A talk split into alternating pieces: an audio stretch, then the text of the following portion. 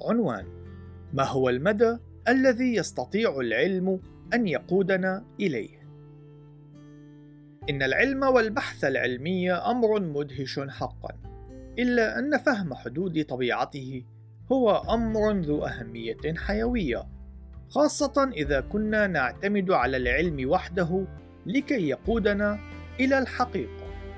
للأسف، يوجد الكثير من الأشخاص الذين يثقون بالعلم بما يتجاوز حدود إمكانية الثقة به، لمجرد أنهم لا يدركون وجود أسئلة يعجز العلم عن الإجابة عليها، أو أقل الأمر هو أنه يعجز عن الإجابة عليها بشكل علمي.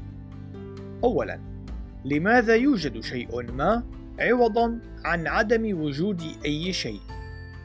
ثانياً، ما هو المصدر المطلق الذي أتينا منه؟ وكيف وصلنا إلى ما نحن عليه؟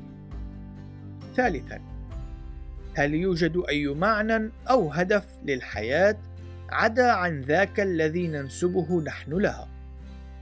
للإجابة على هذه الأسئلة بطريقة علمية، يجب على آلة سفر عبر الزمن أن تصطحبنا إلى الوقت الذي سنكون فيه قادرين على إجراء معاينات لجميع الأشياء التي حدثت. إليكم الطريقة التي تعمل من خلالها العلوم التجريبية. تتم المراقبة والملاحظة وإجراء الاختبارات، ومن ثم تكرار التجارب عددا وافيا من المرات بغية الوصول إلى نتائج موضوعية.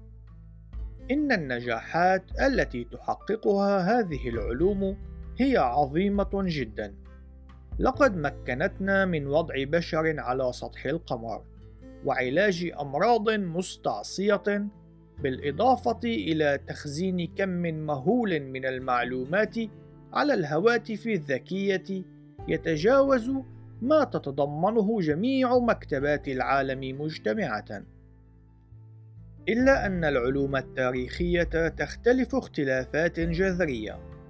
إن العلماء المتخصصين في هذا المجال من أمثال علماء الآثار وعلماء المستحثات مضطرون إلى استخلاص استنتاجاتهم بالاعتماد على تفسيراتهم للأدلة التاريخية عوضا عن التجارب القابلة للتكرار. التفسير هو أمر يبدو بسيطا للغاية، إلا أن هذا هو مكمن المشكلة، وهي مشكلة كبيرة.